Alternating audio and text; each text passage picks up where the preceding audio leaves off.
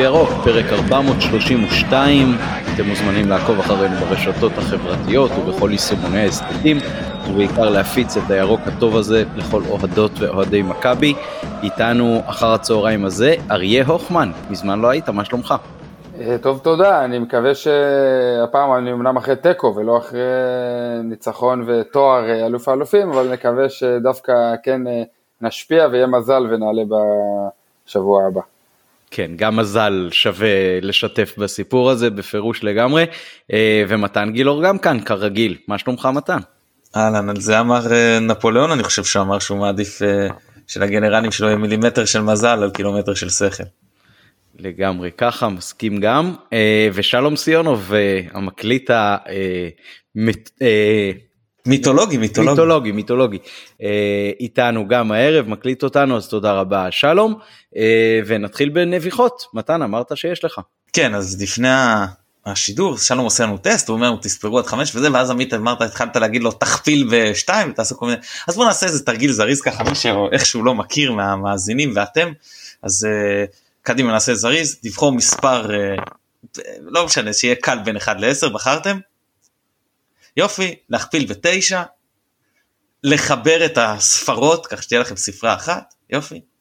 לחסר ממנה 5, הגעתם לאיזשהו מספר, להפוך אותו בגימטריה לאות, ולבחור מדינה שמתחילה באות הזו. עשיתם. יופי, לחזור למספר, להוסיף אחד, כן, להוסיף אחד, להפוך שוב לגימטריה לאות, ולבחור חיה שמתחילה באות הזו. בחרתם יש? נהדר. לחזור למספר, להוסיף אחד, לעבור שוב לגימטריה, ולבחור צבע שמתחיל באות הזו. בחרתם? אני חושב שכולכם משוגעים כי אין היפופוטמים ורודים בדנמרק. עכשיו אפשר להתחיל את הפרק. יפה מאוד. Uh, כל הכבוד אז אחלה נביחה uh, למרות שהיפופוטמים לא נובחים אפילו לא בוורוד. Uh, טוב אז היה פה uh, בעבר אני חושב שזה היה בהסכת הזה כל מיני סיפורים רפואיים שקדמו למשחק. בפעם הקודמת uh, אתה מתן דיברת על uh, איזשהם תופעות לוואי של משהו לא ברור וגירודים ועניינים ונדמה לי שאופק פעם דיבר על פינוי של מישהו ממש לבית חולים. לפני המשחק אתמול אני יוצא אחר הצהריים מהמשרד. אני נוהג לאכול תמר אחד בדרך בנסיעה בטעות אני נותן ביס בחלק עם הגרעין ונשברת לי בצורה רצינית מאוד אה, שן טוחנת. אוי ויי. ואני כאילו אתה יודע זה כאילו השעות הכי טובות זה שעות לפני משחק חשוב כאילו זה, כבר גמרת את כל המטלות שלך עכשיו ה mind שלך יכול להיות באמת רק בזה. ואני כאילו יוצא לי האוויר מהמפרשים ברגע זה היה כזה באסה היה, היה, היו כמה נקודות כן עם מזל, הצלחתי ממש אחרי דקה שתיים לתפוס את uh, שירות העזרה הראשונה uh, של רפואת השיניים, והתקשרתי וקבעו לי תור בחיפה במרכז חורב, שמונה וחצי בערב. ניסיתי להקדים קצת, לא הצלחתי. עכשיו זה מאוד גבולי מבחינת המשחק, uh, ואתה לא תמיד uh, יודע אם אתה נכנס בזמן או לא, uh, אבל פרלה כמו פרלה, אז הלכתי כמובן לפני הזמן. הגעתי לשם חמישה לשמונה, בשמונה קיבל אותי הרופא, תודה רבה לדוקטור תאופיק גנטוס שטיפל בי. אה, אמר לי טוב זה באמת רציני. עשה לי טיפול שורש התחלתי סגר לי את המקום אמר תחזור אה, אחרי המשחק ואחרי המשחק גומלין ונראה איך אה, ממשיכים מכאן. אז זה היה הסיפור שלי. אשתי הקפיצה את הילדים לטרמפיאדה על הדרך בתשע כבר היינו בתוך האיצטדיון. אז uh, הכל תקתק כמו שצריך, רק מינוס שן אחת. אני חייב להגיד שכן זה הביא אותי למחשבות הפילוסופיות של אוקיי, איבדת שן, האם אתה מוכן uh, לאבד שן בשביל לעלות לליגת האלופות לשלב הבתים? Uh, תראה, זה נורא קל לחשוב על זה כשכבר את הדגים המסריחים אכלת כמו שאומרים, uh, אבל שאלה, וואלה שאלה זה, כאילו זה, אמרתי זה שלב הוויכוח אם זה כבר קרה אז לפחות שזה יהיה בשביל הדבר הזה כן לא מבקש על השן הזאת יותר. אני אומר עמית זה כבר שלב המיקוח. כן ממש ככה ממש ככה אבל בסדר נראה אולי אה, נעלה בזכות זה עשינו ככה קצת שיחה מקדימה אה, עם שלום לפני שעלית והרבה התכתבות בוואטסאפ לאורך היום שראיתי שפחות השתתפתי אה, וגם אם נהיה תמימי דעים אז אה, לא לבוא אלינו בטענות, אנחנו לא פה פוליטיקה אה, ואנחנו בסך הכל די מתונים בהשקפות שלנו הרבה פעמים, אז יכול להיות שזה ישתקף גם בדיון שנערוך פה היום. אריה, יש לך אפשרות או לנביחה או פשוט לפתוח על אתמול.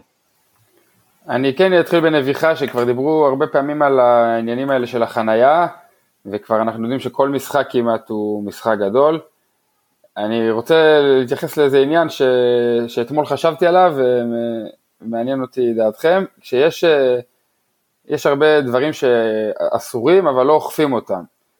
לפעמים אפילו בלי קשר לאירועים גדולים, לפעמים מקום, עירייה מסוימת מחליטה להפוך רחוב פתאום לחניה בתשלום או להפוך רחוב לחניה בחינם, אני מעניין אותי, אני רואה מאות אם לא אלפי מכוניות שחונים על uh, מדרכות, מדשאות, כיכרות וכל דבר ש, שבוודאי שהיו מקבלים דוחות בימים ושעות רגילים ומעניין אותי, אני אפילו אולי אה, לא, לא גורם רשמי, מעניין אותי לדעת באמת מה, מה אוכפים, מה לא אוכפים, אם מישהו מגיע מאוחר uh, ולא מוצא חנייה, מה, מה, מה הוא יכול כן לדעת שבאירועים כאלה זה בסדר לעשות ולא, למרות שלא היה עושה את זה ביום רגיל. כן, לא שאלה זאת... טובה, תראה, לא, לא מפרסמים בדרך כלל אה, עניינים כאלה, כמו שלא אומרים לך באופן רשמי אה, שממהירות X הניידת תעצור אותך בדרך ומתחת ללא, כי, כי זה חלק מהעניין, זאת אומרת לא, לא לעשות את זה כאילו, את החוק עצמו. לגבי אכיפה, אני כן יודע שלפחות בחלקים שהם לא חיפה, נאכפים אה, דיני התעבורה והחנייה, אני לא יודע בדיוק מה הכללים והמדיניות, אבל אני יודע שיש אנשים שבאים עם דוחות, אל תשאל אותי פה אה, למה אני יודע ואיך, אבל... אני מניח שבין 95 ל-97 אחוז מההכנסות השנתיות של עיריית אה, טירת כרמל נובעים מהדוחות למשחקים. הם בעד הסולד אאוט. אני רואה אבל גם ברחובות, ש... גם ברחובות ששייכים לטירת כרמל וגם שם המון המון באמת כל המדרכות וכל הכיכרות וכל המדשאות אה, שסמוכות למדרכות אה, מלא, מלא, מלאים ברכבים, וגם שם אני לא מאמין שכל ה... שבכל המקומות וכל הרכבים אה, חוזרים ומגלים אה, דוחות. סתם, זה, זה, זה משהו שמסקרן אותי לדעת, אבל זה לא קריטי, זה, וזה בטח לא קשור למשחק עצמו. כן, שאלה מעניינת. אה, אוקיי, אז אם אתה ויתרת על זכות האמירה הראשונה על המשחק, ומכיוון שאני פחות השתתפתי היום בדיון, בדיון וואטסאפ שהיה לנו, אה, אז אני ככה ממש זורק להעביר אה, תובנות ואחר כך ננסה לעשות את זה יותר אה, מתודולוגי אולי וכרונולוגי למשחק.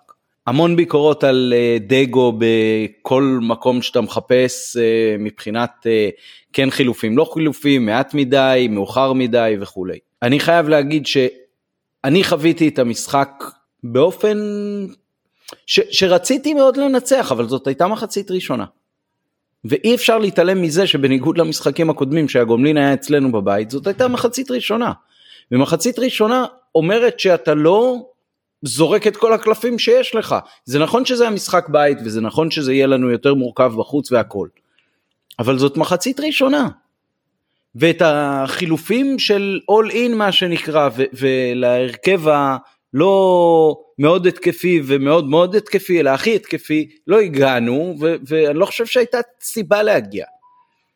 מכבי שלטה בכדור, מכבי הגיעה למעט הזדמנויות, אפשר להגיד שהיריבה הגיעה לעוד פחות הזדמנויות, בטח אם הסטטיסטיקה אומרת אפס בעיטות למסגרת. מכבי הוכיחה שהיא יכולה למנוע מיאנג בויז, שהיא קבוצת התקפה מאוד מאוד טובה, לבעוט לה למסגרת, בזמן שמכבי עצמה משחקת את הצד היותר התקפי שלה, אחוזי החזקה בכדור יותר גבוהים, היא מנטרלת את ההתקפה של היריב כשהיא תוקפת, כשהיא מנסה, כשהיא יוזמת. אז מכבי את זה הוכיחה שהיא יכולה לעשות. עכשיו במשחק שהיא לא תהיה בפאזה ההתקפית שלה, יכול להיות שזה יהיה אפילו עוד יותר קל לה. כי אז היא תוכל יותר להתמקד בצד ההגנתי ו- ולכבוש אה, באופן אחר בניסיונות אחרים. יאנג בויז עוד לא הוכיחה דרך אגב שכשהיא מנסה לתקוף וליזום היא מסוגלת גם להגן. כי היא פחות תקפה ויזמה אתמול. ראינו בכמה דקות שהיא כן מנסה את זה יותר, היא סיכנה אותנו, נכון, אבל א', היא לא הגיעה למצב של בעיטה, זאת אומרת, היא הגיעה למצב של בעיטה לשער, היא לא הצליחה לבעוט למסגרת, וב', אני חושב שבחלקים מסוימים של זה, גם בטח כשעוד היה לנו כוח, הראינו שאז אנחנו גם מסוגלים להגיע לפוזיציות התקפיות מאוד מאוד מסוכנות מבחינתם. אז uh, הנהי שאני קורא קצת היום, uh, אני לא שותף לו. אני לא אגיד שאני מאוד מאוד אופטימי, uh, אני חשבתי מלכתחילה שהאחוזים הם uh, 60-40 לטובת יאנג uh, בויס, פחות או יותר ככה. אני לא חושב שזה השתנה בהרבה מאוד. המחצית מביאה אותנו לברן עם אפשרות לנצח, עם אפשרות להפסיד, עם אפשרות להערכה. המאזניים עדיין שקולים. קחו את זה מפה מבחינת איך שהתפתח המשחק, אה, מתן אתה מוזמן להתחיל, אבל אה, זה ככה מה שאגרתי כל היום ממה שקראתי ולא הגבתי לו. טוב בוא נתחיל רגע לדבר קצת על, אה, על ההרכבים וכאלה. כשמכבי משחקת, באה לשחק נגד חדרה. אתה יודע, לכל קבוצה יש את ההרכב הכי טוב שלה, מבחינתה, לרוב, והיא עושה התאמות בהתאם ליריבה. כי שיטה, כי מיסמץ', כי כל מיני דברים. כשמכבי פוגשת את חדרה, מי לדעתכם עושה יותר התאמות, מכבי או חדרה? חדרה. חדרה. כי מכבי קבוצה טובה יותר. אז כשמכבי באה ופוגשת קבוצה טובה יותר כמו ברן, מי עשתה יותר התאמות בהרכב? מכבי. לא, ברן. כי מכבי לא עשתה שום שינוי. מכבי לא עשתה שום שינוי. עכשיו ברן עשתה שינוי. ובוא אני אנסה להיות קצת שגיא כהן ולפלסף את השינויים האלה. ברן יש יתרון מאוד ברור על מכבי בפן הפיזי. לא חושב שמישהו יערער על זה. ואני חושב שלמכבי אם לוקחים את, ה... את מרבית השחקנים הטכ... הפיזיים של ברן, אני חושב שלמכבי יש יתרון טכני. וברן מה, ש... מה שעשה המאמן שלהם זה ללכת מאוד מאוד חזק לפן הטכני, כן? וויקי. הוא לקח שחקנים, בואו בוא ניקח השוואה. אמנדה הבלם הכי פיזי שלו, הוא שם אותו בחוץ. הוא העדיף לשים את בניטו ששיחק משחק אחרון עזוב רגע תעני כשאני אומר משחק אחרון בואו רק נגיד את זה זה אחר, שלנו ברטיסטבה שלהם לוצרן לא מעניין אותי לא המשחק שלהם בגביע נגד ליגה רביעית ולא המשחק שלנו בגביע הטוטו נגד מכבי פתח תקווה לצורך הניתוח בסדר שנקל את המינוחים. והביא מגן שמאלי אחר פרסון שהוא אגב גם לא המגן השמאלי הראשון שאולי יפתח ב... פתח עם לאופר יותר טכני מ... אה, אה, בח לי שמו אני, אני עוד אה, אני עוד תזכר בשמו של הקשר האחורי שפתח נגד מצב. פתח עם מרי שהוא הרבה הרבה פחות פיזי ממונטרו אבל הוא יותר טכני והוא גם לא משחק על הקו הוא נכנס לאמצע לטובת היהלום. אוריגיץ' בסדר שפתח גם. רידר כמובן אמנם הרבה פחות אה, אה, וגומע אה, מרחקים מלוקאמי אבל הרבה יותר טכני והוא גם היה פצוע אבל עדיין. ו... פתח עם אליה כחלוץ שהוא החלוץ הטכני שלו ולא עם החלוץ שהוא פתח ב, אה, נראה לי זה הגנבולה או מישהו פתח נג, נגד לוצר. ש... זאת אומרת הוא ויתר על חלק מהשחקנים הפיזיים שלו לטובת שחקנים טכניים להתמודד עם מכבי בעניין הזה לפחות כמו שאני מפרש את זה. וכמו שראינו אה, הם התעסקו רוב המשחק בין בלנטרל את מכבי בהצלחה מסחרת. אבל הם התעסקו בזה ואתה אמרת את זה עמית. אז ההתאמות האלה שהוא עשה הוכיחו את עצמם אבל רק צריך להדגיש שהוא זה שבא ועשה יותר התאמות. לא אומר גם טוב אפשר, רע, גם אפשר רק לדעתי אומר, מה להגיד גם אפשר לדעתי להגיד שעל אף שהוא העלה את הצדדים היותר טכניים אולי של הסגל שלו עדיין נראה לי שאנחנו יותר טכניים מהם. אני לא כופר בזה בכלל. ומה גרם לזה? אבל רגע בוא נדבר על הרכב ואז באמת אם מרי ואוריגיץ' אה, שיחקו את הכנפיים ביהלום, לאופר את הקודקוד התחתון, ורידר את הקודקוד העליון ואיתן ואיליה איתן כאילו התשע נקרא לזה הקלאסי ואיליה הלוויין שלו בסדר? זה ורק יופי כמובן שואל. ומכבי פתחה בדיוק כמו שפתחה נגד פרטיסלבה מבחינת המערך כלומר סוג של אה, זה היה לכאורה אפשר להגיד לדבר על 4 2 1 2 אבל אני חושב שג'אבר בהתחלה לפחות בחלק ההתקפי שיחק מאוד גבוה יותר מדי גבוה אולי אפילו וזה היה נראה כמו 5 1 גם לא, לא בדיוק אה, סימטרי כי חזיזה שחק גבוה וקורנו היה מאוד מאופק כנראה בכוונת מכוון. אה, מוחמד ואז אה, ג'אבר ושרי מעל כשסבא יורד אליהם ופיירו נשאר חלוץ. שזה נגד, שנגד ברטיסלבה סבא ממש היה חלוץ שני. אני מסכים איתך לגבי מה שאתה אומר על אה, סבא בעיקר בחלק הראשון של המשחק.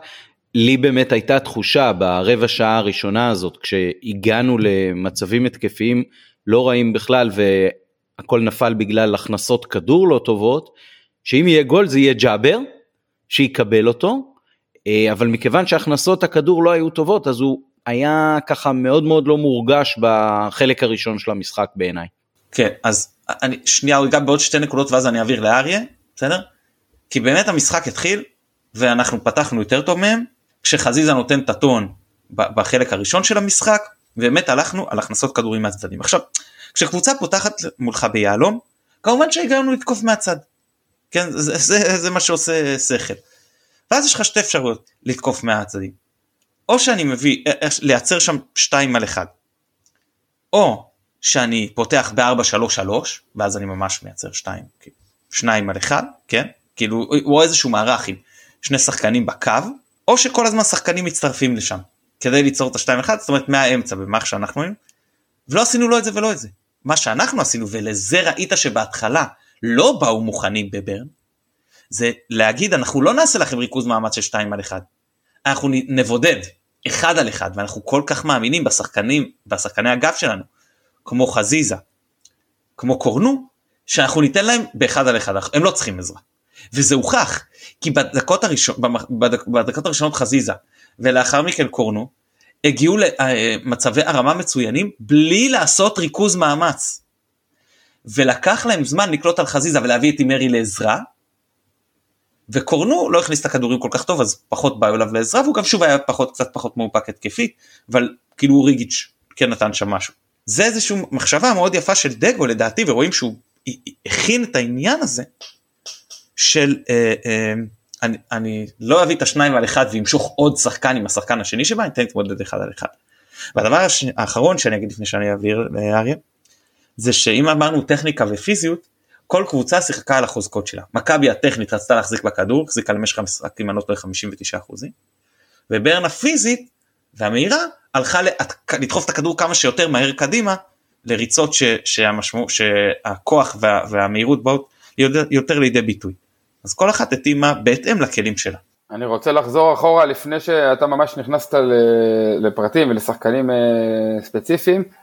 אני רוצה לחזור רגע למה שאתה עמית אמרת על המתינות שלנו ועל כך שמדובר במחצית ראשונה בעצם, כי זה שני משחקים, ואני לפני המשחק הייתי, הייתי במחשבות ככה, ש, שמצד אחד כשמצפים אה, לשחק מול קבוצה שברור שהיא עדיפה עלינו, אז uh, מנסים ככה, המטרה היא לגנוב, לגנוב להם את ה... לגנוב גול, לגנוב ניצחון, וזה היה הרגשה גם uh, שנה שעברה מול אולימפיאקוס וגם uh, מול הכוכב האדום. ברן הם כאילו ברמה שלך אבל עדיפים, עדיפים מעלינו.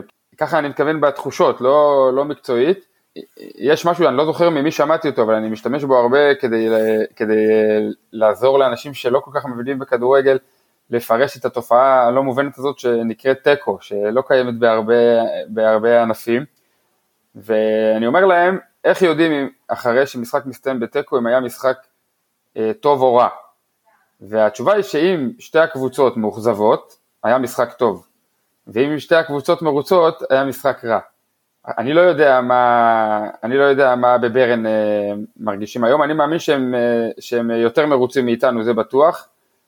אה, אבל אני לא שותף לאכזבה שאני ממש, אה, גם בקבוצות השונות בוואטסאפ וגם אה, אוהדים סביבי וחברים שנסעו איתי, שממש מאוכזבים כאילו, אני מרגיש כמו אם זה היה מכבי תל אביב או הפועל באר שבע אצלנו בבית, וזה ברור שצריך להביא שלוש נקודות בליגה, ופספסנו את זה והיה 0-0. זאת אומרת, לא, לא, היה, הלך קל מדי, זו ההרגשה שלי מול, מול הקבוצות הקודמות. אי אפשר להגיד שהלך קל מדי מול שריף, אבל uh, זה, זה כן היה קשה, אבל מול סלובן בוודאי היה, בוודאי זה הלך קל מדי. ואני חושב שבגלל שהלך קל מדי, אז גם uh, משחק כמו אתמול, שיש דברים שמאוד הצלחנו בו ויש דברים שלא הצלחנו בו, שופטים אותו לחומרה, את המאמן ואת הקבוצה, ואני אומר, הלו, לאט לאט, יש לנו משחק uh, יותר קשה בשבוע הבא, זה נכון, אבל uh, אני לא רואה במשחק אתמול כישלון, ברור שכשלא נותנים שער זה, זה מאכזב, אבל uh, בסך הכל זה משחק, uh, זה, אם זה היה ליגה זה היה נקודה מאוד uh, טובה, נגיד ככה, אם המשחק הזה היה, היה משחק ליגה. ודברים ש, שכבר הם כן התייחסות לגופו של משחק, אז כבר מההתחלה שעמדו שתי השורות של השחקנים בהמנון, אני אמרתי לחבר שלי, תסתכל, איזה שורה גבוהה צהובה של, של ג'ירפות עומדים שם, ואיך אצלנו ככה, זה נראה כמו, כמו ילדים לידם עם סק ופיירו ש, שמתעמרים ככה. הורה מלווה. כן, ממש, ממש, אני השתמשתי גם בביטוי הזה של אבא מלווה לגבי סק באמצע המשחק, וזה לא פשוט, זה לא פשוט, זה בא לידי, זה, זה, אנחנו אמנם יש לנו את היתרון הטכני, אני מסכים, אבל כבר מההתחלה זה היה ברור ש, שבהרבה, ממש זה היה נראה כמו ילדים מול אה, מבוגרים בהרבה, בהרבה מאבקים, וגם השופט בהתחלה נתן להבין, גם אם שחקן הוא פיזי מאוד וחזק יותר, אה, אז מותר לו להשתמש בזה, והוא לא שרק לדברים שהקהל ככה התרעם, ולעומת זאת, כשהשחקנים שלנו כן בלית ברירה הרביצו קצת, אז הוא שרק, זה קצת עצבן את הקהל, כי הם אמרו רגע, אבל הם לא שרקו על זה, איך לנו שורקים על זה, אני דווקא, אני דווקא חושב שהשופט היה בסדר גמור, למעט, אה, למעט אה, עבירות על פיירו, ש, שראיתי כמה ש, שהוא לא שרק, וככה, אומנם אה, התרגלנו לזה בשיפוט בישראל, שמטפסים עליו ודוחפים אותו ונתלים עליו ולא תמיד הוא מקבל שריקה, אז היה כמה, היה כמה, יש לי כמה תלונות קטנות לשופט רק בהקשר הזה, אבל בסך הכל ראו ש, שאנחנו צריכים להרביץ להם והם פשוט ב, ב, בעבודה רגילה מתגברים עלינו פיזית. לגבי האכזבות של, תראו, אני רציתי מאוד, אה, זה כבר כן התייחסות לשחקנים ולהרכב, אני חושב שאחרי ההחמצה שלו, שהוא בעט מעל השער, סבא, סבא המשיך לא טוב את המשחק, אני כן אה, שומע תלונות שהיה צריך להחליף אותו קודם, גם אני קצת רציתי לראות אותו מוחלף קודם, אבל, אבל באופן כללי, מה ששמתי לב על, על כל הקבוצה, זה שהם היו מאוד ממושמעים, אתה רואה שהם עשו את אותם דברים כל הזמן, גם אה, אנשים שכעסו על ניצן, שכל פעם ניסה לחפש את פיירו, ראו שהם פשוט ממלאים את ההוראות של, ה, של הצוות המקצועי, לפעמים זה מצליח, לפעמים זה לא מצליח, אבל כל הזמן חזרו על אותם דברים, ואנחנו, אז זה, לפעמים זה מאכזב, כי אתה אומר, מה, אז תנסה, ובאמת היה חסר, היה חסר התקפית, התייחסת לזה עכשיו מתן, היה חסר התקפית בצד שמאל אה, אה, ריכוז מאמץ, שזה היה נראה, כאילו, זה היה נראה כאילו חסר שם מישהו, או שבאמת היה חסר שם מישהו, וזה לא רק היה נראה, אבל אנחנו לא יודעים מה היה אילו. זה קל מאוד להגיד, מה, היית שם את שחקן זה במקום זה, והכל היה נשטח והכל היה משתנה, אבל יכול להיות שהיינו גם חוטפים על זה, וזה תמיד קל לבקר על הדברים שלא נעשו בלי להבין שלדברים האלה היו השלכות לכל הצדדים. בדיוק אה, מחזיר אותי באמת לנקודה שהעליתי של אה, מחצית ראשונה. אי אפשר להתייחס לזה כעכשיו או לעולם לא, כשאנחנו יודעים שבשבוע הבא יש את החלק השני של ההתמודדות הזאת ואף אחד לא רוצה לנסוע לשם כשהוא חטף פה את הסתירה ואז ברור שזה הרבה יותר אה, קשה. כן, כן ברור, ש... ברור שעדיף לנסוע לשם אחרי תיקו מאשר הפסד, זה, אני חושב שכולם, כולם, גם גדולי המבקרים, יסכימו על זה. אז אוקיי, אז אנחנו אמנם לא, לא הבטחנו את, ה, את ההפלה שלנו, ואפילו אני לא יודע אם הגדלנו את האחוזים, אבל אנחנו נוסעים אחרי שלא הפסדנו ולא ספגנו בבית, יש, יש יתרונות, יש חסרונות, ויש תמיד מה לעשות כדי אה, להצליח יותר. בכל מקרה, קודם כל אני מאוד מתחבר למה שאמרת לגבי התיקו, אם זה שלב בתים, אמנם זה לא ניצחון וזה אבל אני חושב שמכבי הייתה מקבלת פה לא מעט מחמאות. לא, עולם לא על הדרך זאת אומרת יש הרבה מקום לשיפור.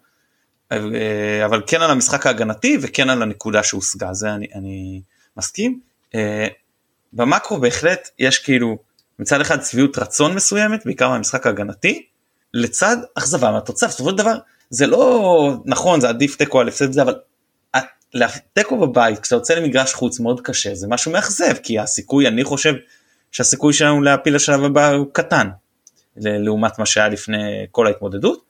זה לא קטסטרופה, זה ממש לא קטסטרופה התיקו הזה, אבל זה גם בטח לא תוצאה טובה.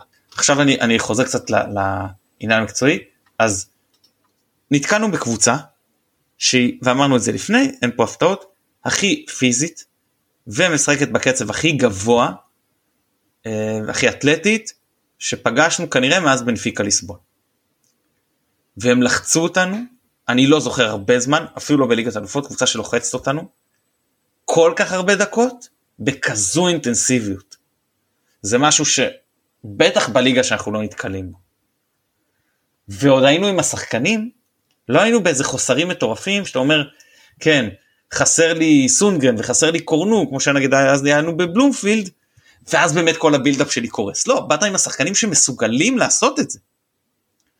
וניסינו, ניסינו הרבה לשבור את הלחץ עם ה build-up, וצריך להודות שזה הלך באופן מאוד חלקי. זאת אומרת, הלחץ שלהם בסך הכל אני חושב היה יעיל, ושיבש לנו את משחק הנעת הכדור. וזה דרש מהשחקנים אצלנו עם הדריבל הכי טוב, להשתמש בו ולכלות הרבה מאוד אנרגיה בחלק הראשון של המשחק. חזיזה עם כמה מהלכים מצוינים בחלק הראשון התעייף מהר מאוד בגלל זה, שיחק ממש בטורבו מטורף, ולגבי זה אגב יכול להיות שאם חזיזה, אני לא יודע מה מצב כשירותו, אבל אפשר גם להגיד לו מראש שההרגשה שהוא אה, באמת מתעייף ואז כאילו מתחיל לשמור על כוחות, כדי איכשהו לסחוב את מה שנשאר. וזה אני חושב בסדר אם דגו, דגו היה בא ואומר לו אולי זה פה עניין גם של יותר ניסיון ואומר לו דולב אל תשמור כוחות תן כל מה שיש לך עד המחצית אפשר גם להחליף במחצית זה כולה רבע כמו שאמרת עמית. זה לא שאתה לא תפתח במשחק השני זה בסדר עדיף מאשר שעכשיו תרד ל-80 אחוז. א' כי שחקן שיורד ל-80 אחוז הוא פחות טוב וב' זה כל כך לא חזיזה. בגישה שלו למשחק אתה מאבד חלק עצום ממי זה חזיזה ומה שהוא מביא למכבי. ולמה אני חושב שהוא אחד השחקנים הכי חשובים וטובים שלה. השחקן השני זה עלי מוחמד שנתן אולי את המחצית הכי טובה שלו במכבי. הוא היה פשוט מדהים במחצית הראשונה. הוא עבד כל כך קשה, גם בהגנה וגם בהתקפה היה ברור שיהיה לזה מחיר במחצית השנייה. אבל הוא היה מדהים, כי אמרנו כבר שאלי מוחמד, מה שהוא אוהב לעשות ומה שאלי מוחמד עושה זה להניע כדור. ולכן הוא היה מצוין בכל שבירת הלחץ. וראית גם שהם לא באו מוכנים לזה בבר. אה, אה, בר. כי עלי יש לו בעיה בעיקר כשהוא משחק בשש אם אתה מעמיס עליו לחץ פיזי באיך אה, שהוא מקבל את הכדור והם לא ידעו לעשות את זה בחלק הראשון ראו שהם עשו התאמות בחצי. אבל הם לא ידעו לעשות את זה בחלק הראשון ואמרנו שמחמוד ג'אבר היה גבוה בהתקפית אבל הגנתית הוא עבד קשה מאוד הוא זה שבעצם בא לעזור לקורנו שגם היה במשחק פחות טוב וגם כל הזמן ניסו לרכז עליו שתיים, שניים על אחד. הם תקפו לתחושתי הרבה לא ראיתי נתונים הרבה יותר מצד ימין במחצית הראשונה וג'אבר הוא זה שהיה כל פעם צריך לבוא ולעזור אה, ומפה גם עלי קצת נשאר לבד באמצע והיה שוב צריך לעבוד כל כך קשה להגיד משהו על זה שלעלי בדקה שיש, לא יודע 55-60 כבר היו הרבה פחות אנרגיות. כשאתה רואה איך המשחק זה כאילו היה טבעי זה, זה פשוט לא הייתה ברירה אחרת כשאתה בוחר את המערך הזה.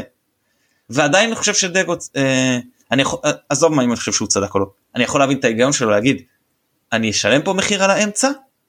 שזה מקום שגם ככה קשה לי בו מראש, מראש מול היהלום שלהם. ואני לא אשאיר שני בלמים על שני חלוצים. כשאחד מהם עיר וזריז והשני מאוד פיזי אז אני מעדיף לשלם את המחיר באמצע כשאני יודע שאין לי שש טבעי אולי חוץ מנאור אבל אם כן יש לי פה צניחת איכות לעומת ההרכב. או, ו, ואני אגיד עוד משהו על זה. בגדול ואם אפשר גם להסתכל על החילופים ועוד ניגע בזה בהמשך לדגו יש את ה-14 שחקנים שהוא רץ איתם עם הכי הרבה דקות עד עכשיו עם השחקנים המרכזיים שלו זה אלה שפתחו זה דוד זה חלילה וזה רפאלוב. וכרגע הוא אומר אני באתי לשני משחקים על ליגת האלופות ואלה השחקנים שאני הולך איתם. עכשיו זה לא אומר שאחרים לא יקבלו דקות אבל זה אומר שבגדול אלה השחקנים שיקבלו פה את הכי הרבה במה. ולכן כשהוא בוחר ללכת איתם ולא להכניס עוד נגיד את גוני כעוד איזה שש, אז הבחירה לפתוח עם שלושה בלמים על חשבון עוד שחקן התקפה שיכול להיכנס אולי באמצע ולעזור שם, נגיד או לפתוח עם עוד חלוץ ולשים את סבא קשר, לדעתי הייתה מאוד מאוד אה, הגיונית ואני יכול להבין את, אה, את ההיגיון שעומד מאחורי. זה אנחנו מעדכנים עמית פרלה היה צריך uh, לעזוב אותנו רגע ונמשיך בלעדיו בינתיים. אריה אז אמרנו מכבי פותחת בקיצור בחלק הראשון של המשחק. טוב עם הרבה מאוד אנרגיות מצליחה לייצר התקפות מסוכנות עם הכנסות כדור לא מדויקות ופחות מסוכנות, וככל שהמחצית מתקדמת יש הרגשה שהמשחק מתאזן. איך אתה רואה בו, כי דיברת על הכנה והכל ולפני, אבל בוא תיגע קצת במחצית הראשונה. כן, התייחסת נגיד לחזיזה שהרגשת שהוא כאילו עשה 80 אחוז כדי לשמור כוחות, ובאמת היה, היה כמה כדורים, אני זוכר שניים ספציפיים שאלי מוחמד הכניס לו מתוך אה, מחשבה שזה ברור שהוא ירוץ אליהם, ואני גם חושב שאם הוא היה רץ אליהם הוא היה יכול להגיע ולסכן מצד ימין. הוא לא, הוא לא רץ אליהם בכלל חזיזה, וזה מתקשר למה שאמרתי קודם, שאני לא יודע אם זה באמת הוראות שהוא קיבל לשמור כוחות ולשמור על עצמו ולא לבזבז את כל הכוחות שלו על התקפה, או, ש... או שהוא פשוט היה, או שהוא פשוט התעייף ובאופן אינסטינקטיבי שמר פשוט על הכוחות. אני מסכים איתך ש... שבמשחק כזה שבקושי בקושי מגיעים למצבים מסוכנים, אז עדיף אולי כן, אה, כשכבר יש איזו הזדמנות, כן לרוץ וללכת בכל הכוח, אבל כמו שאמרתי קודם, לא, אני לא באמת יודע מה היה קורה אילו, אם היו עושים חילופים יותר מוקדמים, אני לא יודע אם אה, לא היינו חוטפים על זה, אני לא יודע אם שחקנים לא היו כן נותנים את ה... נותנים את ה... יותר מ-100% אה, הפיזי ועוד ספרינט ועוד ספרינט ועוד ריצה, אם גם על זה לא היינו משלמים, כי באמת היה שלבים בסוף המחצית הראשונה וגם במחצית השנייה אחר כך, שעם כל ה... אולי ראוותנות של ה... שלנו ב... ולהגיד המזג אוויר אה, ישפיע והם אה, ייגמרו, אני חושב שאנחנו היינו עייפים הרבה יותר מהם בשלבים אה, עדיין עמוק בתוך המשחק ולא, ולא רק בסיום, וגם, וגם לזה צריך, צריך להבין שזה משפיע כשאתה משחק, כמו שאמרנו, מול קבוצה כל כך כל כך פיזית, אז כן, אתה באופן אינסטינקטיבי שומר את הכוחות, כי אתה יודע שכל uh, מאבק הגנתי וכל איבוד כדור ש, שעכשיו צריך לרדוף אחריו הוא יותר קשה מאשר uh, מול קבוצה שהיא שווה אליך פיזית, אז לכן לדעתי הכל, הכל בעצם נובע משם. אני חושב שכל המשחק התבטא ויצא כמו שהוא יצא בגלל הפערים הפיזיים. כן, יש בזה לא מעט, אפשר לראות את זה, הרי ההגנה שלנו אמרנו, לא שיחקנו לא, לא אה, סימטרי, וההגנה משכה קצת ימינה ונתנה לחזיזה לשחק יותר גבוה מקורנו, והרגשת שהצד הימני יותר של אה, סק וסונגרן יותר פיזי, ומסתדר הרבה יותר טוב מהצד השמאלי של גולדברג וקורנו, אני חושב שזה היה ממש מורגש, כאילו, מה גם שאיתן החלוץ היותר פיזי של, של, של, של ברן משך הרבה פעמים ימינה. בסדר, זה היה הגיוני מבחינתם לשים את הפיזי על שלהם על הפחות אה, פיזיים שלנו. עכשיו, לקראת אה, סיום המחצית, באמת, זאת אומרת, היה משחק קשה בקצב גבוה מאוד אינטנסיבי וביחד עם מזג האוויר זה היה ברור שהקבוצות מתי שיתחילו להתעייף ולקראת המחצית באמת התחילה העייפות. ואז ראינו, זה אה, היה גם לאורך כל המחצית אבל שם ראינו, זה היה ממש בולט, כמה חשובה הטכניקה של הבלמים שלנו קל וחומר במערך כזה. כי, ואמרתי את זה גם לגבי הבלמים של אה, ברטיסלבה, וגם לגבי הבלמים של ברן. אתה לא רואה אותם לוקחים את הכדור ומקדמים אותו 20, 30, 40 מטר. אתה רואה את הבלמים של מכבי עושים את זה. אתה רואה סונגרן עושה את זה? בוודאי, בסדר, אבל הוא מגן. אתה רואה את שון גולדברג עושה את זה? וראית עוד סק עושה את זה? פעמיים בצורה שהקריסה את ההגנה של אה, ברן עד שאחד משחקני ההתקפה היה צריך להקריב כרטיס צהוב כדי לעצור אותו. פעמיים. שמבחינתם בסדר אין בעיה. כן, כן, שני הצהובים הראשונים של, אה, שלהם באו על עבירות מאחורה על אה, סק אחרי דריבל שלו ממש מקדימה. אני זוכר שאמרתי לחבר שלי שעוד רגע הוא מסתובב לספסל ואומר להם אני נשאר חלוץ, עזבו, אני כבר לא חוזר, אבל כמובן שהוא חזר ו... אה, אפילו הוא, ראו שבסוף, זה כבר אני זוכר בסוף המחצית השנייה, ראו שהוא ממש זוכר, הוא התחיל לסחוב רגל והיה לו קשה, זאת אומרת גם... אה, המשחק היה קשה, היה פיזי, היה מגיע. ה... כן, כן, גם שחקן כמו סק, שראו שנתן את הכל, וכמו שעכשיו אמרנו, גם התקפית אפילו, זה פשוט היה ממש ממש ממש קשה לו, וזה, וזה נתן, זה גבה ממנו מחירים בסיום. אחרי אחת העליות היה קטע שהוא לחץ למעלה במקום לרדת והשגנו קרן. אז אמרתי שבטח עם כל העליות האלה וזה הוא התאהב קצת לא היה לו חשק לחזור עד למטה אז עכשיו הוא סחט קרן כדי שהוא יוכל להישאר ולהיות למעלה. ממש ממש. וזה. אה, תראה, כן, ההגנה, ההגנה הטובה ביותר היא התקפה, אז יכול להיות שאנחנו רואים שסק שאנחנו יודעים שהוא שחקן הגנה כל כך טוב, רצה להראות לנו שהוא באמת אה, יודע לעשות גם התקפה בתור הגנה. אז אה, באמת זה ההיגיון אבל שרידר ומרי של שחקנים שהסיכוי שהם יקבלו צהוב נוסף במשחק הוא לא גבוה. עם מרי עוד הוחלף כי הוא עוד איכשהו יכול, שיחק בשמונה כזה ושמונה עשר כזה ורידר שהוא ממש עשר אז הוא באמת לא היה סיכוי שהוא יקבל. עכשיו שים דיברנו גם לפני המשחק עם מרי רידר נו איך איך קוראים לו עכשיו ברח לי השם שנייה אה, אורי גיניץ' הוא ריגיניץ' ומהצד שלהם ומהצד שלנו אה, סבא ושרי בעיקר שחקנים בעיטה מאוד איכותית מחוץ לרחבה. וראית ששתי הקבוצות באות מוכנות לזה ולא מאפשרות כמעט בעיטות איכותיות מחוץ לרחבה. אני חושב שאצלנו כל המשחק היה מצב אחד טוב של סבא שהוא הגיע לשסר פנוי לגמרי ופשוט לא יודע לא הצליח לבעוט את הכדור אני לא יודע אם זה היה מחצית שנייה כבר שתגיע ממש נוח למשבצת שהוא כבש נגדה נגד ברטיסלבה פנוי לגמרי ולא הצליח לא התלבש התלבשה לו הבעיטה ואצלם גם היה אולי בעיטה אחת אה, אה, אה, אה, מסוכנת של רידר וזהו הקבוצות בכוונת מכוון לדעתי ידעו לשים ריכוז מאמץ אמרו נשלם את המחיר במקומות אחרים, אבל אנחנו לא ניתן את הבעיטות מרחוק, וזה ישתלם, כי, כי במשחק כזה, שכל כך גם קשה להיכנס לתוך הרחבות, אז, ולהצליח לייצר שם משהו, אז יש ערך הרבה יותר גדול לבעיטות מבחוץ. כן, צריך להגיד את האמת. אה, וגם לא היינו מדויקים בקרוסים פנימה, זה מה שנשאר בעצם. השוערים, השוערים אה, לא עבדו קשה במשחק הזה אה, כדי להגן על השער שלהם. לא, לא, יכולת לשים, זה, זה ספקולציה, יכול להיות לשים לכאורה כאילו שני דחלילים וזה היה נראה אותו דבר פחות או יותר. כן, כן אני מגזים, כן, אבל... אה, ברור, ברור, אבל זה מעיד כמה הגנות, כמה בעצם קו, הקו, שני הקווים האחוריים של אה, שתי הקבוצות עשו, היו ממושמעים מאוד, עשו עבודה טובה, היו אחראים, ו, ו, ונתנו לשוער שלהם בעצם אה, לעמוד בשקט ולא להתאמץ. אפשר גם פה לנגוע בנקודה של איתמר ניצן, שאני שומע הרבה כמו, כמו על אה, המאמן שלנו, גם על השוער שלנו, אני שומע הרבה הרבה פקפוקים וציפיות נמוכות נגיד ככה, אז מקווה שימשיכו החברים שלפניו לאפשר לו לא לעבוד קשה, כדי אה, לא, לא, לא להצדיק את אותן ציפיות נמוכות, אלא להפך. טוב, אז זה באמת המחצית הראשונה.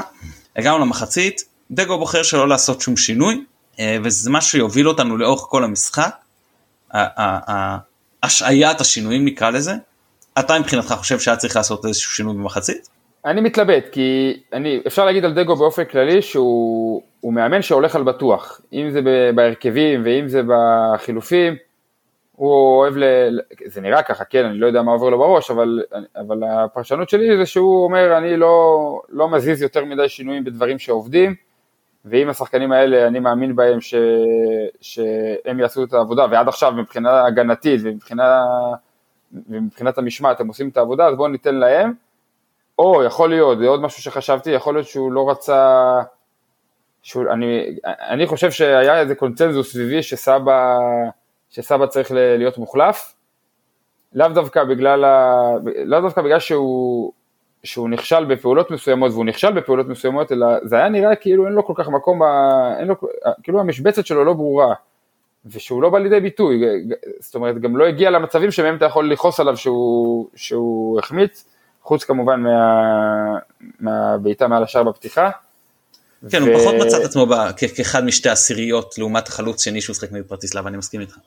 וזה, ואני חשבתי שכן צריך אה, להחליף אותו, אני חשבתי על חלילי, אבל לאו דווקא, זאת אומרת יש עוד אה, אפשרויות, אבל הרגשתי שדגו אומר, אני, אני לא, אני לא אעשה לו, אני לא אעשה לו את זה מה שנקרא, אני לא אתן לו לרדת ככה במחצית, אבל באיזשהו שלב היה צריך, אתה יודע, דקה 60, דקה 70, היה צריך נראה לי להקדים עם החילוף, זו דעתי, אבל אני כבר אמרתי קודם, אנחנו לא יודעים מה היה קורה אילו, אני לא מרגיש שהשתנה, זאת אומרת, אני לא מרגיש שהחילופים שלו שינו כל כך את, את, את הצורה שבה הקבוצה שיחקה, אז, אז בסופו של דבר אני לא שופט אותו, זאת אומרת, ה, אני לא יודע מה הוא היה יכול לעשות שהיינו אומרים וואו איזה שינוי זה היה מביא, אתה, תגיד לי אתה, מה דעתך על, על החילופים המאוחרים. אתה חושב ש... אתה חולק עליי? אתה חושב שהיה צריך להחליף את אה, סבא עוד קודם, או אולי לא להחליף אותו, או שחקנים אחרים? מה אתה חושב? אני כן חושב שהיה צריך להחליף את סבא במחצית, אני חשבתי שדין דוד צריך להיכנס במקומו ולעבור לשחק ממש עם שני חלוצים, הם צריכים מהירות בחלק הקדמי, אה, וגם בכלל לשנות קצת, אה, לא בקטע של לעשות איזשהו שינוי, אלא שינוי נוחי נכון של אם דרך, כי מה קרה לנו? היה מצב ששרי וסבא קצת דרכו אחד לשני על הרגליים ושניהם היו ביום פחות טוב ושני, אה, ובעיקר שרי מאוד מאוד נלחץ לא, לא נלחץ כי הוא היה לחוץ אה, מנטלית נלחץ על ידי היריבה. ו, ונוצר מצב של אם אני לא מצליח לעשות את זה דרך ההנעת כדור רגל לרגל כי הם לוחצים לי את, את, את אה, שרי וכי אה, אה, בעיקר בתחילת המחצית גם ראית שאלי כבר מתעייף אז נכון להגיד לדעתי אוקיי בואי נעשה משהו אחר אה, ננסה אולי אה, אה, לשחק אה, דרך פיירו לדוד למרות שפיירו היה משחק פחות טוב הצליח פחות לזכות בכדורים יותר במחצית הראשונה אבל גם הוא התעייף ולא כך הצליח בשנייה. ואני חושב שהוא גם באיזה שלב היה מאוד מאוד בין אם זה נכון ובין אם לא הוא היה מאוד מתוסכל מהשופט. עזוב אני לא אומר אם השופט צדק אם השופט טעה אין לי ביקורת על השיבוט, אני אומר שפיירו היה מתוסכל מהשופט, אני חושב שגם כשהוא קיבל מכה בראש ועשה קצת איזשהו אה, נפילה מאוד מאוד תיאטרלית היה לשער, לשדר איזושהי או מחאה או תסכול או איזה משהו של ש, שיראו מופגן מה עושים לו היום. כן, זה קורה לו גם הרבה בליגה שלנו, דיברנו על זה, הוא באמת, הוא באמת חוטף הרבה, הוא חוטף הרבה כי ככה, ככה הקבוצה משחקת עליו, שהוא הוא המכוונים אל, אל התורן שם מקדימה, והוא עומד, והמטרה שהוא יוריד את הכדורים, לפעמים זה מצליח, לפעמים זה לא, הוא באמת, באמת, באמת אה, חוטף המון. ולכן באופן טבעי הוא כועס גם, כש, גם כשבאמת לא הייתה עבירה, הוא כבר רגיל אה, לחטוף ולא לקבל שריקה, אז זה, זה, זה מסביר את הכעס שלו, אבל אתה, אתה חושב שהיית יכול, אני כל הזמן, אה, זה, זה עלה גם ב, בכל הפרקים הקודמים, ו, ואתה דיברת על הרכב שנוסע נגד כיוון התנועה, ואני באמת, אני באמת לא רואה אותנו מסתדר, עוברים את החצי אתמול בלי, ה, הנוכחות שלו שם מקדימה, אז שוב, אז נקרא לו בלם קדמי, לא יודע איך תקרא לו, אבל אה, זה היה ברור כן, שההוראה היא להעיף אליו את הכדורים ושהוא ינסה להוריד אותם כן, לשחקנים אה, אחרים. אבל הייתה בעיה אחרת, לא היה למי להוריד. כי, למה קרה? במחצית הראשונה הוא היה בסדר, במחצית השנייה מה היה? אז, עלי, אז בואו נתחיל לנתח את המחצית השנייה ונבין מזה גם למה פיירו, אה, אה, לא למה הוא היה חלש, הוא היה חלש כי הוא היה חלש במחצית השנייה, אבל, אבל אה, למה הוא היה פחות אפקטיבי אה, מעבר לחולשה האישית שלו. אז אה, עלי התעייף ובנוסף למדו אותו, אה, המאמן הבין, זה לא, אה, אה, כנראה הוא מבין עניין המאמן הזה, והתחיל ללחוץ את עלי. וזה עלה לנו עד שעלי קלט את זה שמתחילים ללחוץ אותו, והקבוצה קלטה בסגנון המשחק, עלי איבד שם שני כדורים יחסית תחילת המחצית, שיכלו להפוך להתקפות מאוד מסוכנות של ברן, אתה יודע על מה אני מדבר אני מניח על זה. יצאנו במזל, ממש, כן כן. ממש. ואז היה ברור שג'אבר יורד כבר הרבה יותר נמוך ועוזר לו שם בהנעת הכדור כי אי אפשר לבד. זה היה ברור ברגע שמתחילים ללחוץ אותו ואם היו עושים את זה מההתחלה אז הם היו משבשים לנו יותר גם את המחצית הראשונה אבל וזה מה שאנחנו צריכים להתכונן אליו במשחק השני ולא לבוא באותו אופן כי אה, אה, אני מניח שמההתחלה הם יעשו את אותו לחץ אה, אה, הרבה יותר משמעותי על אה, עלי מוחמד. אה, אז וג'אבר היה צריך לבוא יותר נמוך אז כולם זזים מגמה אחת אחורה, את שרי הם אה, אה, לחצו, סבא כבר אמרנו לא שיחק חלוץ שני, לפיירו למיאנו להוריד את הכדורים. ואם הוא לא להוריד את הכדורים אז הוא מקבל, אז אה, אה, זה לא שהם אה, ישבו עלינו שאתה צריך את השלוש ארבע שניות האלה שהוא מרוויח לך. במשחק כזה יש פחות משמעות ל, ל, לרווח הזה שהוא עושה, במשחק כזה יש פחות משמעות לזה שהוא שעד שהבלם הצליח לקחת ממנו את הכדור אז זה לקח מאמץ ואז השחרור של הכדור היה פחות טוב נגיד מצד הבלם ויותר קשה להוציא אה, אה, את ההתקפה של היריבה. כל הכלי, הדברים האלה שהוא מביא למשחק פחות היו רלוונטיים צריך להודות. ולכן היה מקום לדעתי שוב או להגיד אני מוותר על פירו או להגיד אני שם לידו חלוץ בין אם זה סבא לקחת את סבא לשחק ממש חלוץ ובין אם זה להכניס חלוץ דוד שורנוב לא משנה. אבל דגו החליט אחרת וזה בסדר. ושנייה אני, אני אגע באיזשהו שינוי שעוד שיאן בוז עשו ואז ניגע בזה. אז באמת אה, אה, יאן בוז אה, הוציאו את טימרי שגם היה מוצב והכניסו את מונטרו, הכניסו יותר מהירות, כן מונטרו שחקן הרבה יותר מהיר, ושחקן שהרבה יותר גם נדבק לקו ולא משחק ממש כמו ביהלום, ואחרי זה הם עשו עוד חילוף כפול, דקה 70, הם הוציאו את, את איתן ואת לאופר, הכניסו את צ'יאווה שהוא אותו קשר אחורי שעליו דיברתי ושכחתי מקודם את, את שמו, נסמס, זאת אומרת הרבה יותר שחקנים ש, ש, עם אוריינטציה הגנתית באמצע. ומאוד מאוד הקשו עלינו ולצאת מבחינתם להתקפות מעבר מתוך אולי איזושהי מחשבה שאנחנו בבית ואנחנו צריכים את הניצחון ואנחנו ניקח יותר סיכונים. ופה אה, אני חושב שאז גם אה, דגו הבין שהרעננות שלהם אחרי שלושה חילופים מעבר לזה שאני חושב שיש להם כושר גופני טוב יותר ועצם זה שבמחצית השנייה אנחנו באמת לא מצליחים לייצר התקפית כמעט כלום ו- והם אפילו מתחילים, מתחילים להיות עם התקפות טיפה יותר מסוכנות, לא שהם הגיעו למצבים, אבל התקפות טיפה יותר מסוכנות, אז הוא uh, באמת הגיע בסופו של דבר ש- שחייב לעשות את, ה- את אותו חילוף נדרש, והוא הוציא את uh, סבא והכניס את uh, חיילילי במקומו.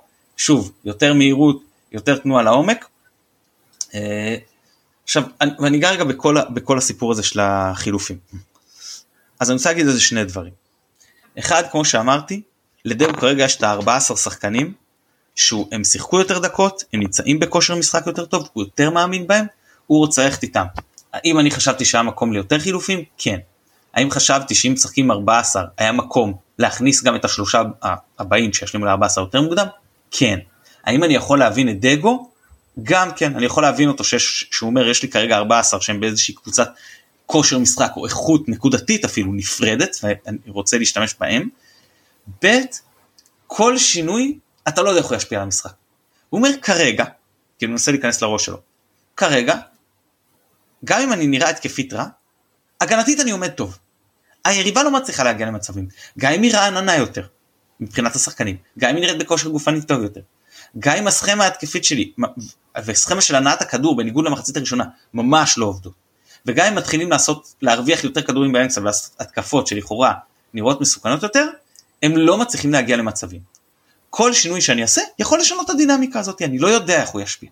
זה אני... לגבי שינויים בכלל, למרות שאני כן חושב שהיה מקום לקח, כן לעשות שינויים האלה, ולגבי שינויים התקפיים או שינויים טקטיים, כי מה הוא עשה?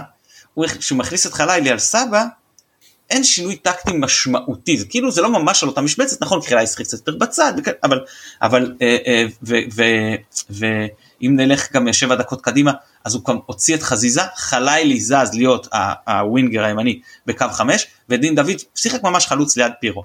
אז יש פה איזשהו שינוי קל, אבל זה עדיין משאיר את המערך של ה-5-2-1-2. אולי אפשר להגיד שזה זז ל-5-2-1-2 ולא ל-5-2-2-1, אבל מה שחשוב זה שאני לא עכשיו לוקח את הווינגר הימני שלי, מזיז אותו שמאלה, או עובר פתאום לקו 4 איזה 4-4-2 קווים, או לא יודע מה. למה? שוב אני חוזר לזה. כשאני עכשיו, או אם אני הולך לשחק יותר התקפי, אני מגדיל את הסיכוי של שתי הקבוצות לה, להכריע את המשחק, בסדר? עכשיו אם אני משחק מול ריינה, זה סיכון שאני אומר אוקיי, משתלם לי לקחת. אם אני משחק מול ברן, לא בטוח שאני רוצה להגדיל גם את הסיכוי שלי, אבל גם את הסיכוי שלהם. ואז אני בוחן את המצב, ואני אומר רגע, אני מסתכל על השחקנים שלי ועל המצב שלהם, היום בו הם נמצאים, המצב הפיזי שלהם, אה, מה אני מאמין שיקרה. ואני אומר, בכמה אני מגדיל את הסיכוי שלי עכשיו להבקיע, ובכמה אני מגדיל גם את הסיכוי שלי לספוג, אם אני עכשיו עושה איזשהו שינוי טקטי. ואני חושב שבניגוד להחלטה שלו לאחר את החילופים שפחות התחברתי אליה, שוב למרות שאני יכול להבין את ההיגיון שלה, אני מאוד מאוד מתחבר ואוהב את ההחלטה שלו של אני לא זז מהמערך. כי אם לוחצים אותי באמצע ואלי עייף, ואם ג'אבר גם מתעייף, ואין לי מישהו ל- ל- ל- ל- מבחינתו להכניס מהספסל באמצע, כי אם אני מכניס את גוני יש לי פה צניחת איכות מבחינתו, שוב, כמו שאני רואה את זה למרות שהוא ודאי לא יודע בזה, ואם שרי ביום שלוחצים אותו וזה פחות הולך, אז החומה שלי, המבצר שלי, המצודה שלי זה שלושת הבלמים. ולא לגעת בהם, לדעתי הוכיח את עצמו בעצם זה שברן לא הצליחו לסכן אותנו בצורה משמעותית, למרות שזה אמר, יכול להיות שזה אמר, שגם אה, אנחנו פחות סיכנו. אם היינו עוברים למערך יותר התקפי, או לשיטה יותר התקפית, האם אנחנו היינו יותר מסוכנים? אני לא יודע. האם היריב היה יותר מסוכן? אני גם לא יודע. אני יודע שאנחנו, שהוא לא היה מסוכן, גם אנחנו לא, ואני יודע שהם היו יותר עייפים, ואני יודע שזה היה יום לא טוב של שחקני התקפה שלנו, שהיו עייפים, וגם באותן דקות בכלל פיירו, שרי, סבא שכבר יצא וחזיזה שיצא, נראו פחות טוב. וזה היה בסופו של דבר לדעתי החלטה מאוד מאוד נכונה שלו לשמר את המערך ואני מאוד אהבתי לראות את זה. אמרתי כבר, צייצתי שהביקורת שלנו היום תהיה אך תהיה מתונה. ו- זאת ו- בעיה, זאת בעיה שאנחנו אנחנו, אנחנו מסכימים גם על זה, אז על מה אנחנו נתקוטט, אבל תכף אני אתייחס, כן. תסיים. לא, תראה, אם היה לנו למשל את שואו מהספסל, יכולת להגיד, אני מכניס עכשיו את שואו לצד עלי, עובר לשחק שתי שישיות, כמו ששיחקתי עם נטע ואלי, עובר לשחק ארבעה בהגנה, ויכול לשחק ארבע ארבע שתיים קווים, למשל. או משחק ארבע שלוש שלוש עם שתי שישיות ושמונה מעליהם, או עשר מעליהם, לא משנה איך תקרא לזה, למשל. יש לך אופציות. אבל אז אתה אומר יש לי אמצע ברזל. פה לא יכולת להגיד את זה. ויש לי אמצע רענן יותר, פה לא יכולת להגיד את זה. ו- ו- ו- אה, והם החליפו את החלוצים. והכניסו עוד קשר את מונטרו שהוא עם מאוד פיזי. והבלמים כבר עייפים. אז מה, לתת להם לשחק שניים על שניים? או לתת להם לשחק שניים על שלושה? בהנחה שכן, זה עולה לי על חשבון שחקן התקפה. זה להבין את המערכת שיקולים. אז אפשר להסכים עם דגו ואפשר לא להסכים עם דגו. אבל, מכל מאמן אגב, אבל חשוב להבין את כלל מערכת השיקולים, ולא סתם לזרוק, לא הולך לנו חייבים ניצחון, בואו נכניס שחקן התקפה על חשבון שחקן התקפה עולים. לא, זה משהו שאתה עושה כשאתה בתיקו 0, דקה 80, דקה 70, נגד אה, ריינה, חרדרה בבית, אין לי ברירה, אני זורק מה שיש לי, אני לוקח את הסיכונים, אני אגדיל להם, אני אגדיל לי, מה לעשות, סיכון שאני חייב לקחת. לא בטוח שאני חייב, נכון לי לקחת אותו נגד בר. אז אני, אני מסכים איתך ש, שטוב שהוא לא, זאת אומרת אנחנו לא יודעים, אבל אנחנו משערים שטוב שהוא לא שינה מערכים וסגנון uh, של המשחק. אני כן באמת uh, חושב שאולי את אותם חילופים שהוא כן עשה, אולי היה כדאי לעשות אה, כמה דקות יותר מוקדם, לא יודע אם, לא במחצית להחליף את, את אה, סבא, אלא קצת יותר מוקדם, דקה 72 שבה הוא הוחלף, ואני חושב שוב, אם אנחנו נכנסים למערכת השיקולים, אני ממש משוכנע שאם זה משחק שני, החילופים היו קורים יותר מוקדם. מצד שני, גם לך תדע אם הוא לא בכלל אה, קונה כבר הערכה מעכשיו, הרי אם עכשיו מספרים לנו שאנחנו אה, עולים אחרי הערכה בברן, אנחנו, נראה לי שכולנו חותמים על זה בשתי ידיים. וכמו שאמרנו, זה, זה מחצית ראשונה המשחק אתמול, וככה יכול להיות שהוא משך ומשך, ואמר אני אחליף רק ברגע שחייבים, ככה זה נראה לפחות.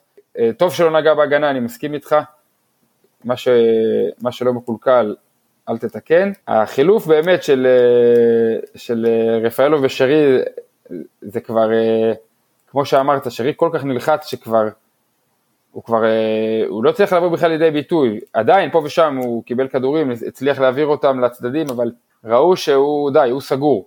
רפאלוב זה ככה, נכניס עוד מבוגר אחראי, שאם כבר מוצאים את שרי אז אה, לא, לא, הוא לא יחליף אותו באיזה, באיזה אה, שחקן צעיר, אלא ברפאלוב שחקן מנוסה, קפטן בקפטן.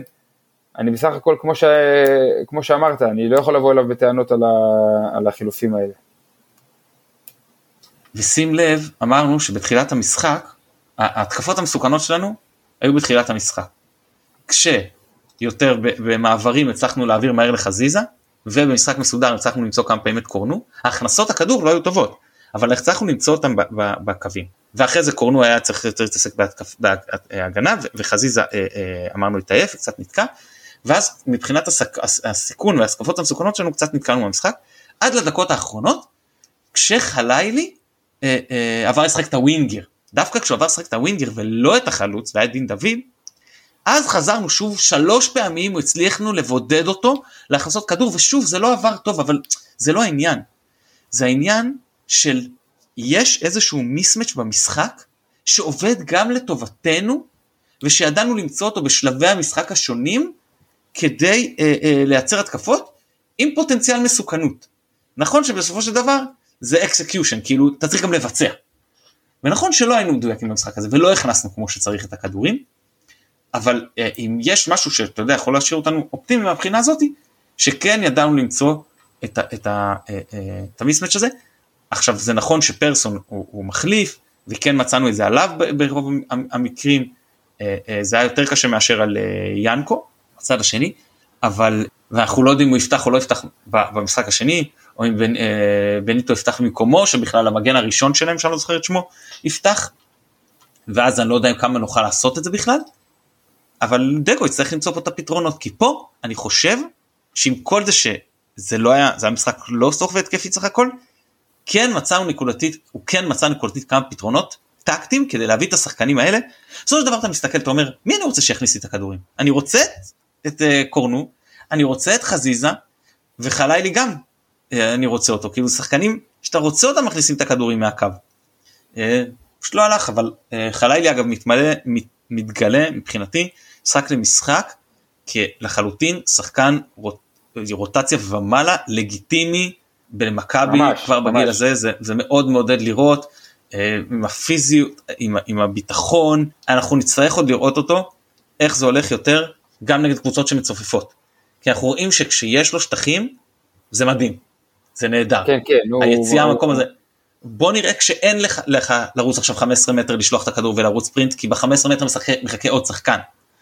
אבל זה בסדר, יהיה לו ליגה שלמה כדי לבחון את זה, ואני מזכיר שגם יהיו נגיד שלוש שנים עכשיו שהוא משתפר בהם, אתה יודע, ומשתדרג ולומד, והוא עדיין יהיה שחקן צעיר בסוף אותן שלוש שנים. עוד שלוש שנים היום הוא שחקן צעיר, רק להבין, כן?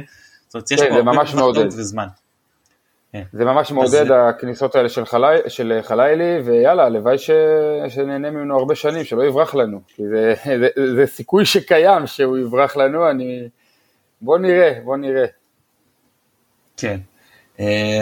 זהו, אז כמו שאמרת בסוף, ההכנסה של רפאלוב הייתה גם הגיונית, ולתת עוד שחקן שיעזור באמצע בהנעת כדור, אה, כי אם דגו אמר בשלב מסוים, זה לא שאני קונה 0-0, או לא שאני רוצה 0-0, אבל אני לא רוצה עכשיו להגדיל את הסיכון, אז אני מעדיף עוד שחקן שישמור אצלי את הכדור ברגל, מאשר אה, עוד מי שאני אוכל לשלוח אליו את הכדורים, ונגיד לעבור לשחק איזה כדורים אה, ארוכים או משהו, הוציא 10, הכניס 10, גם, גם סבא לא היה אז על המגרש כבר, אתה מוציא את שרי, ג'אבר ואלי עייפים, מי יניע את הכדור?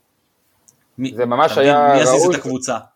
ראו כמה ג'אבר והעייפות של אה, ג'אבר ואלי ממש אה, ראו כמה היא משפיעה ובאמת טוב שנכנס שחקן שככה יודע להחזיק ולהניע את הכדור. הייתי שואל אותך לגבי המשחק הבא, אם היית... לא, זה, זה, זה בנפרד, נקליט פרק ככה. לא, אז אני אומר, אז אני, אז אני אומר שבכל מקרה שינויים יהיו לקראת המשחק הבא, כי אין לנו, אין לנו את קורנו, אז אנחנו... נכון.